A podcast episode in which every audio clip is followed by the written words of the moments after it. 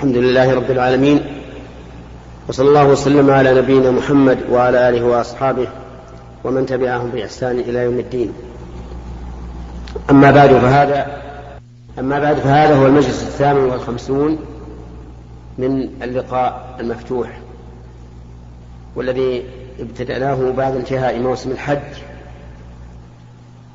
في يوم الخميس الثاني والعشرين من شهر ذي الحجة عام أربعة عشر وأربعمائة وألف. نسأل الله سبحانه وتعالى أن يختم عامنا بالخير والعفو والمغفرة. آه، بقي علينا من التفسير في سورة الأعلى قول الله تبارك وتعالى فذكر إن نفعت الذكرى سيذكر من يخشى ويتجنبها الأشقى الذي يصل النار الكبرى ثم لا يموت فيها ولا يحيا. قد أفلح من تزكى وذكر اسم ربه فصلى. بل تؤثرون الحياة الدنيا والآخرة خير وأبقى.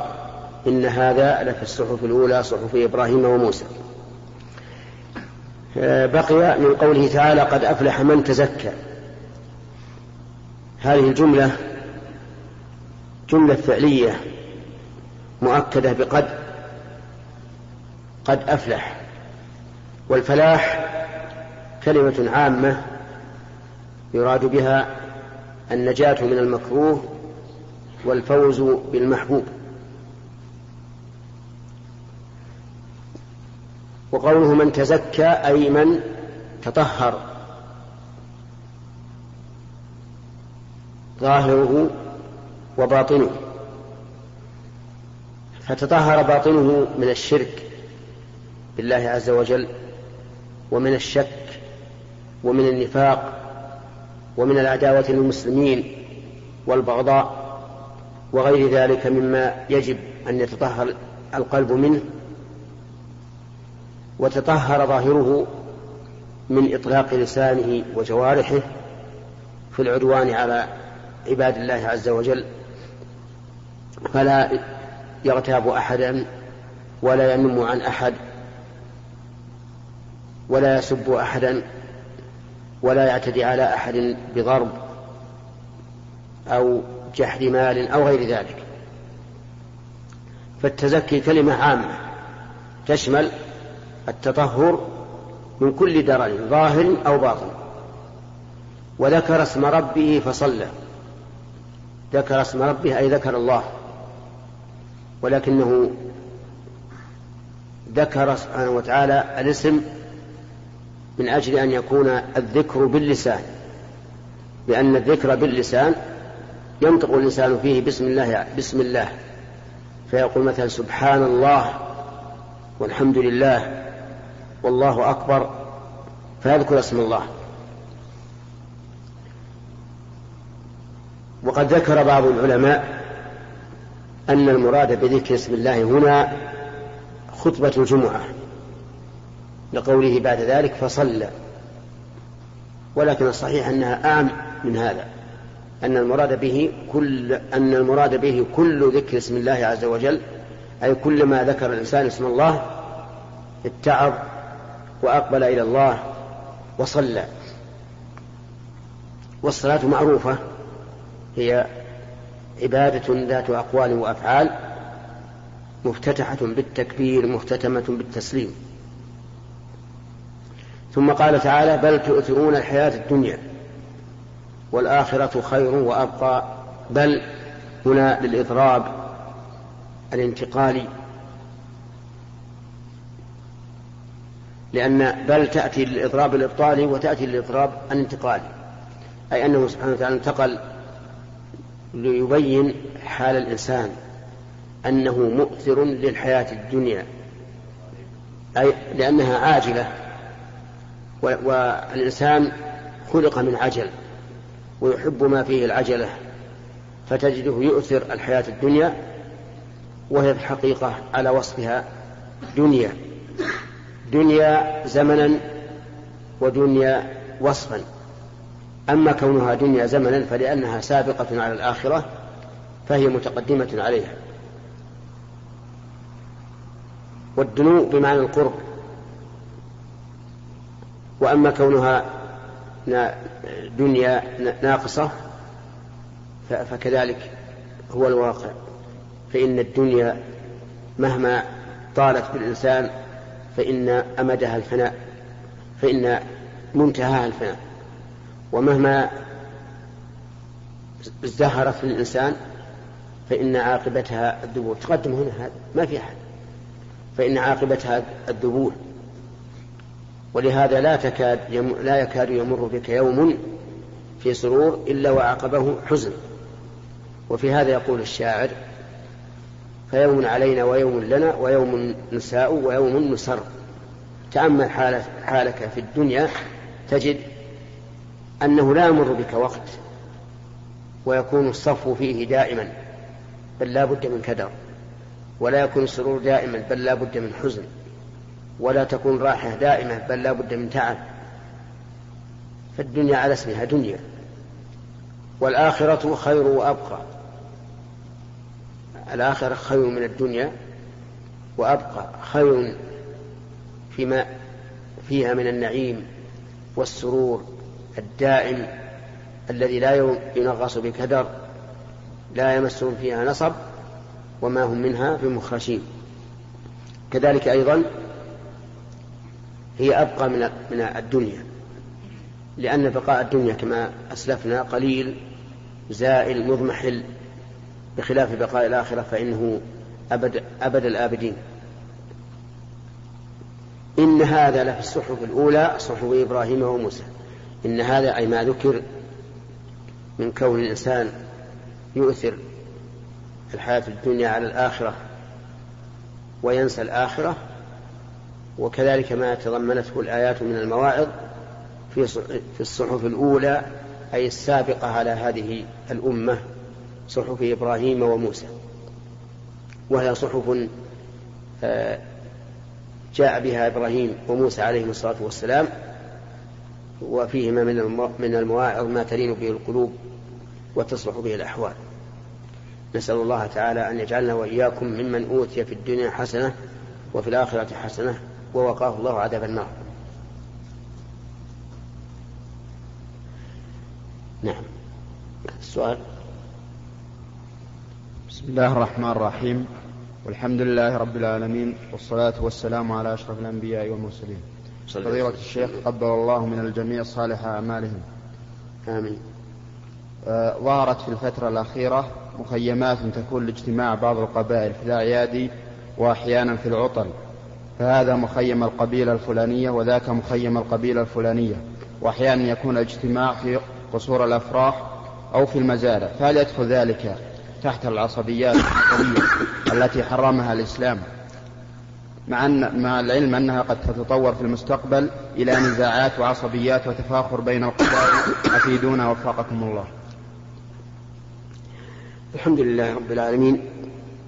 وصلى الله وسلم على نبينا محمد وعلى آله وأصحابه ومن تبعهم بإحسان إلى يوم الدين. كثير من الأقارب كما تفضلتم بدأوا يجتمعون في في الأعياد أو في العطل من جميع من جميع أنحاء المملكة. وهذه وهذه بالنظر لأصلها فيها صلة رحم لأن الأقارب يعني يجتمع بعضهم إلى بعض ويتدارسون أحوالهم وربما حصل في ذلك إعانة محتاج وإغاثة ملهوف. ولكن ولكن الأمر قد يكون خطيرا. فيما لو تطور هذا إلى تعصب للقبائل ونسيان للآخرين من المؤمنين. وما دمنا لم نرى هذا المحذور فإننا لا لا, ننهى ونرى أنه فيه خير وبركة لكن إذا كان في المستقبل يتطور إلى كلمات وقصائد يكون فيها المدح لهذه القبيلة والقدح في غيرها فحينئذ يمنع. نعم.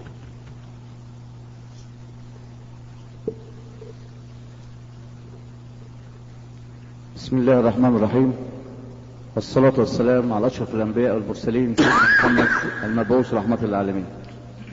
فضيلة الشيخ في حج العام الماضي كنا نحن وبعض الإخوة الزملاء من المدرسين آه، كنا نقطن خيمة من خيام مكة. إيش؟ كنا في الحج العام الماضي نعم. كنا نقطن داخل خيمة من خيام منى. في منى يعني. ما فهمت. كنتم إيش؟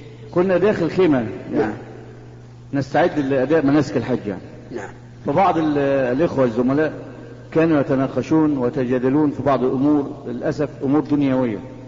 وبعدوا عن أمور الحج وأداء مناسك الحج وللأسف انزلقت معهم في بعض هذه الأمور وحاولت أن أدخل في المناقشات ولكنني شعرت واستدركت الموقف سريعا واستغفرت الله وقلت لهم أن الشيطان يحاول أن يدخل بينكم ويجعلكم يعني تت- تتدرسون أمور الدنيا وتنسون ما أنتم فيه الآن في هذا الموقف العظيم. وحاولت أن أبعدهم والحمد لله يعني استطعت. ثم ابتعدت عنهم وجلست ل- لاتلو بعض آيات الكتاب الحكيم وأستغفر الله لما حدث. فهل علي ذنب أو ذنب أو أي شيء من هذا القبيل؟ ليس عليك شيء في هذا بل أنت مأجور على نصحهم وإرشادهم حتى كف الله ألسنتهم عن الجدال الذي نهى الله عنه في قوله فمن فرض فيهن حج فلا رفث ولا فسوق ولا جدال في الحج فأنت على خير مأجور إن شاء الله. بسم الله الرحمن الرحيم. الحمد لله وبعد.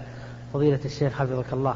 إذا كان رجلا إذا كان هناك رجل عليه بعض الملاحظات سواء كانت في العقيدة أو في غيرها وفيه خير كثير ما هو ضابط التعامل معه والاستفادة منه؟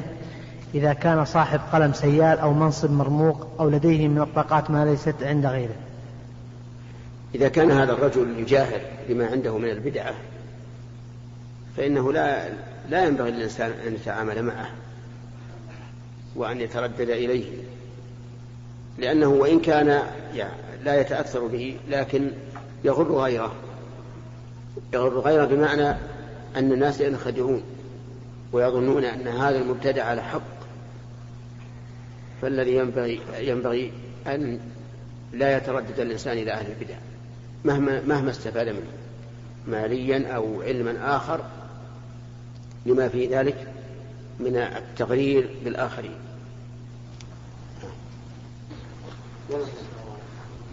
فضيلة الشيخ محمد بن صالح العثيمين حفظه الله. امرأة تعيش مع زوجها وأم زوجها في بيت واحد ولكن أم الزوج تؤذي هذه الزوجة بالكلام والسب والشتم والاحتقار مرات كثيرة. فهل من حق هذه الزوجة أن تطلب بيت لوحدها هي وأطفالها مع العلم أن هذه أم الزوج يعيش معها زوجها وبنتها الصغرى ويستطيعون أن يخدموا أنفسهم دون تعب. ثم ما هو الموقف الصحيح للزوج من تصرفات أمه اتجاه, زوجته. ثم هل يقال أن بقاؤه معها مع أمه في بيت واحد يعد من المشاكل مع هذه المشاكل يعد من البر أم أنه ليس من البر وجهونا مشكورين؟ فليعدله. وإذا لم يمكن هذا فلا أرى أن تبقى الزوجة مع أم زوجها على هذه الحال. لأنه نكد على الزوجة وعلى أم الزوج وعلى الزوج نفسه.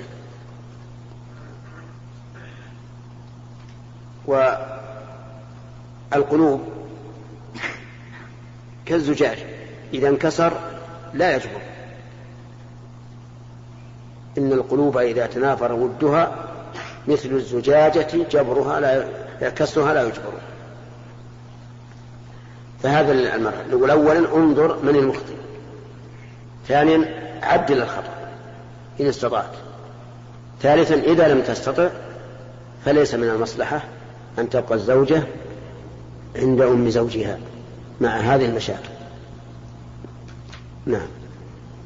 تفضل. بسم الله الرحمن الرحيم. فضيلة الشيخ السلام عليكم ورحمة الله وبركاته. أنا مدرس لمادة التاريخ. ونتناول في مادة التاريخ في منهج الصف الأول متوسط معركة صفين والجمل. ونواجه بعض الأسئلة من الطلاب كيف يتقاتلون الصحابة فيما بينهم. وكذلك يذكرون لنا حديث الرسول صلى الله عليه وسلم إذا التقي المسلمان بسيفيهما فالقاتل المقتول في النار إلى آخر الحديث. فما هو موقفنا في هذه الحالة؟ موقفنا في هذه الحال أن نقف كما يقف أهل السنة والجماعة نحو ما شجر بين الصحابة وهو أن نقول هذه دماء طهر الله سيوفنا منها فلنطهر ألسنتنا منها. كما وفي ذلك يقول الناظم ونسكت عن حرب الصحابة فالذي جرى بينهم كان اجتهادا مجردا. هم مجتهدون. وليس كل مجتهد يكون مصيبا. الإنسان قد يجتهد ويخطئ. فهذا الاجتهاد الذي وقع منهم لا شك أنه وقع عن خطأ والخطأ إذا صدر عن اجتهاد فإنه مغفور. لقول النبي صلى الله عليه وسلم إذا حكم الحاكم فاجتهد فأصاب فله أجران وإن أخطأ فله أجر. فالواجب إذا جاءنا سؤال من الطالب كيف يكون هذا من الصحابة؟ نقول الله أعلم. الواجب أن نكف ألسنتنا عن ذلك ولا نسأل. ونقول كل منهم مجتهد فمن أصاب فله أجران ومن أخطأ فله أجر واحد. نعم. فضيلة الشيخ مجموعة من النساء سائل يسأل مجموعة من الناس رجال ونساء يحجون فإذا جاء اليوم الثاني عشر ينزلون بنسائهم صباحا إلى الكعبة ليطوفن طواف الوداع ثم يرجعونهم إلى خيامهم في منى ويتوكلون عنهم ويرمون الجمرات عن أنفسهم وعنهم. ثم ينزل الرجال للمرة الثانية إلى الكعبة ويطوفوا طواف الوداع. ثم يرجعون غافلين إلى أهلهم. فهل هذا العمل صحيح بحق, بحق نسائهم؟ مع العلم أنهم يفعلون ذلك خشية الزحام فقط. وهل عليهم دم أم لا؟ مع العلم أن النساء لسنا مريضات نعم. آه، طواف الوداع لا يجوز إلا بعد انتهاء النسك تماما. لأن النبي صلى الله عليه وعلى آله وسلم قال لا ينفر أحد حتى يكون آخر عهده بالبيت. وإذا طاف الوداع ثم عاد فرمى فقد جعل آخر عهده الرمي. فمن طاف قبل انتهاء النسك فطوافه في غير محله وإذا لم لم يعده بعد انتهاء النسك فعليه دم. يذبحه في مكة ويوزعها الفقراء. فصار الآن على كل واحد من هؤلاء من رجال ونساء عليهم دم لطواف الوداع لأنه وقع في غير محله.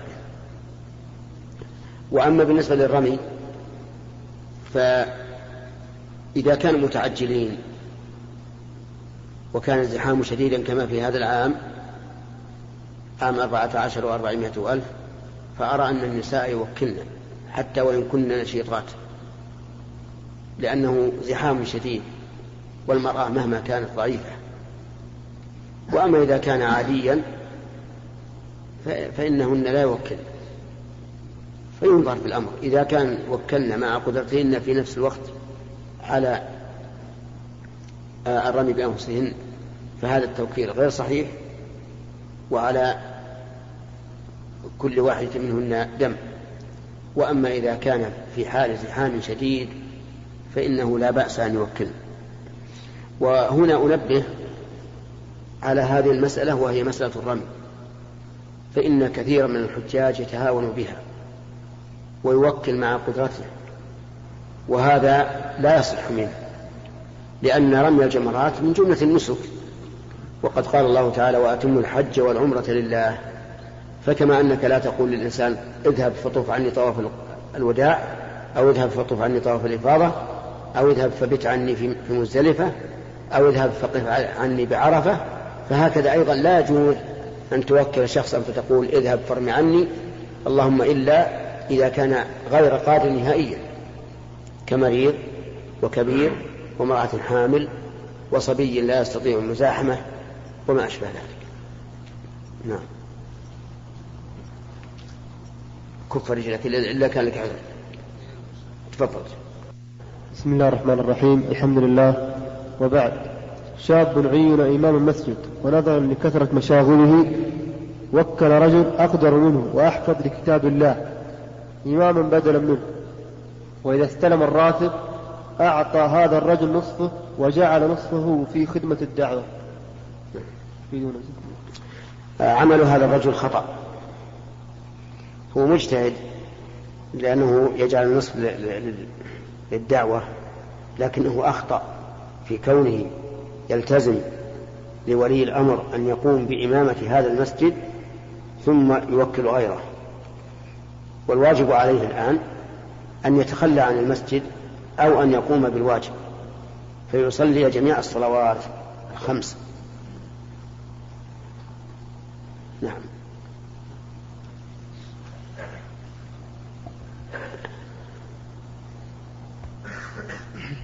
فضيلة الشيخ حفظكم الله. قلتم فيما مضى أنه لا يجوز الطواف بين الحجر والكعبة. إيش؟ لا يجوز الطواف بين الحجر والكعبة. نعم. فهل تجوز الصلاة إذا استقبل الحجر واستدبر الكعبة؟ إذا؟ إذا استقبل الحجر واستدبر الكعبة. واستقبل؟ واستقبل الحجر. إيه؟ واستدبر الكعبة. هل إيه؟ تجوز الصلاة؟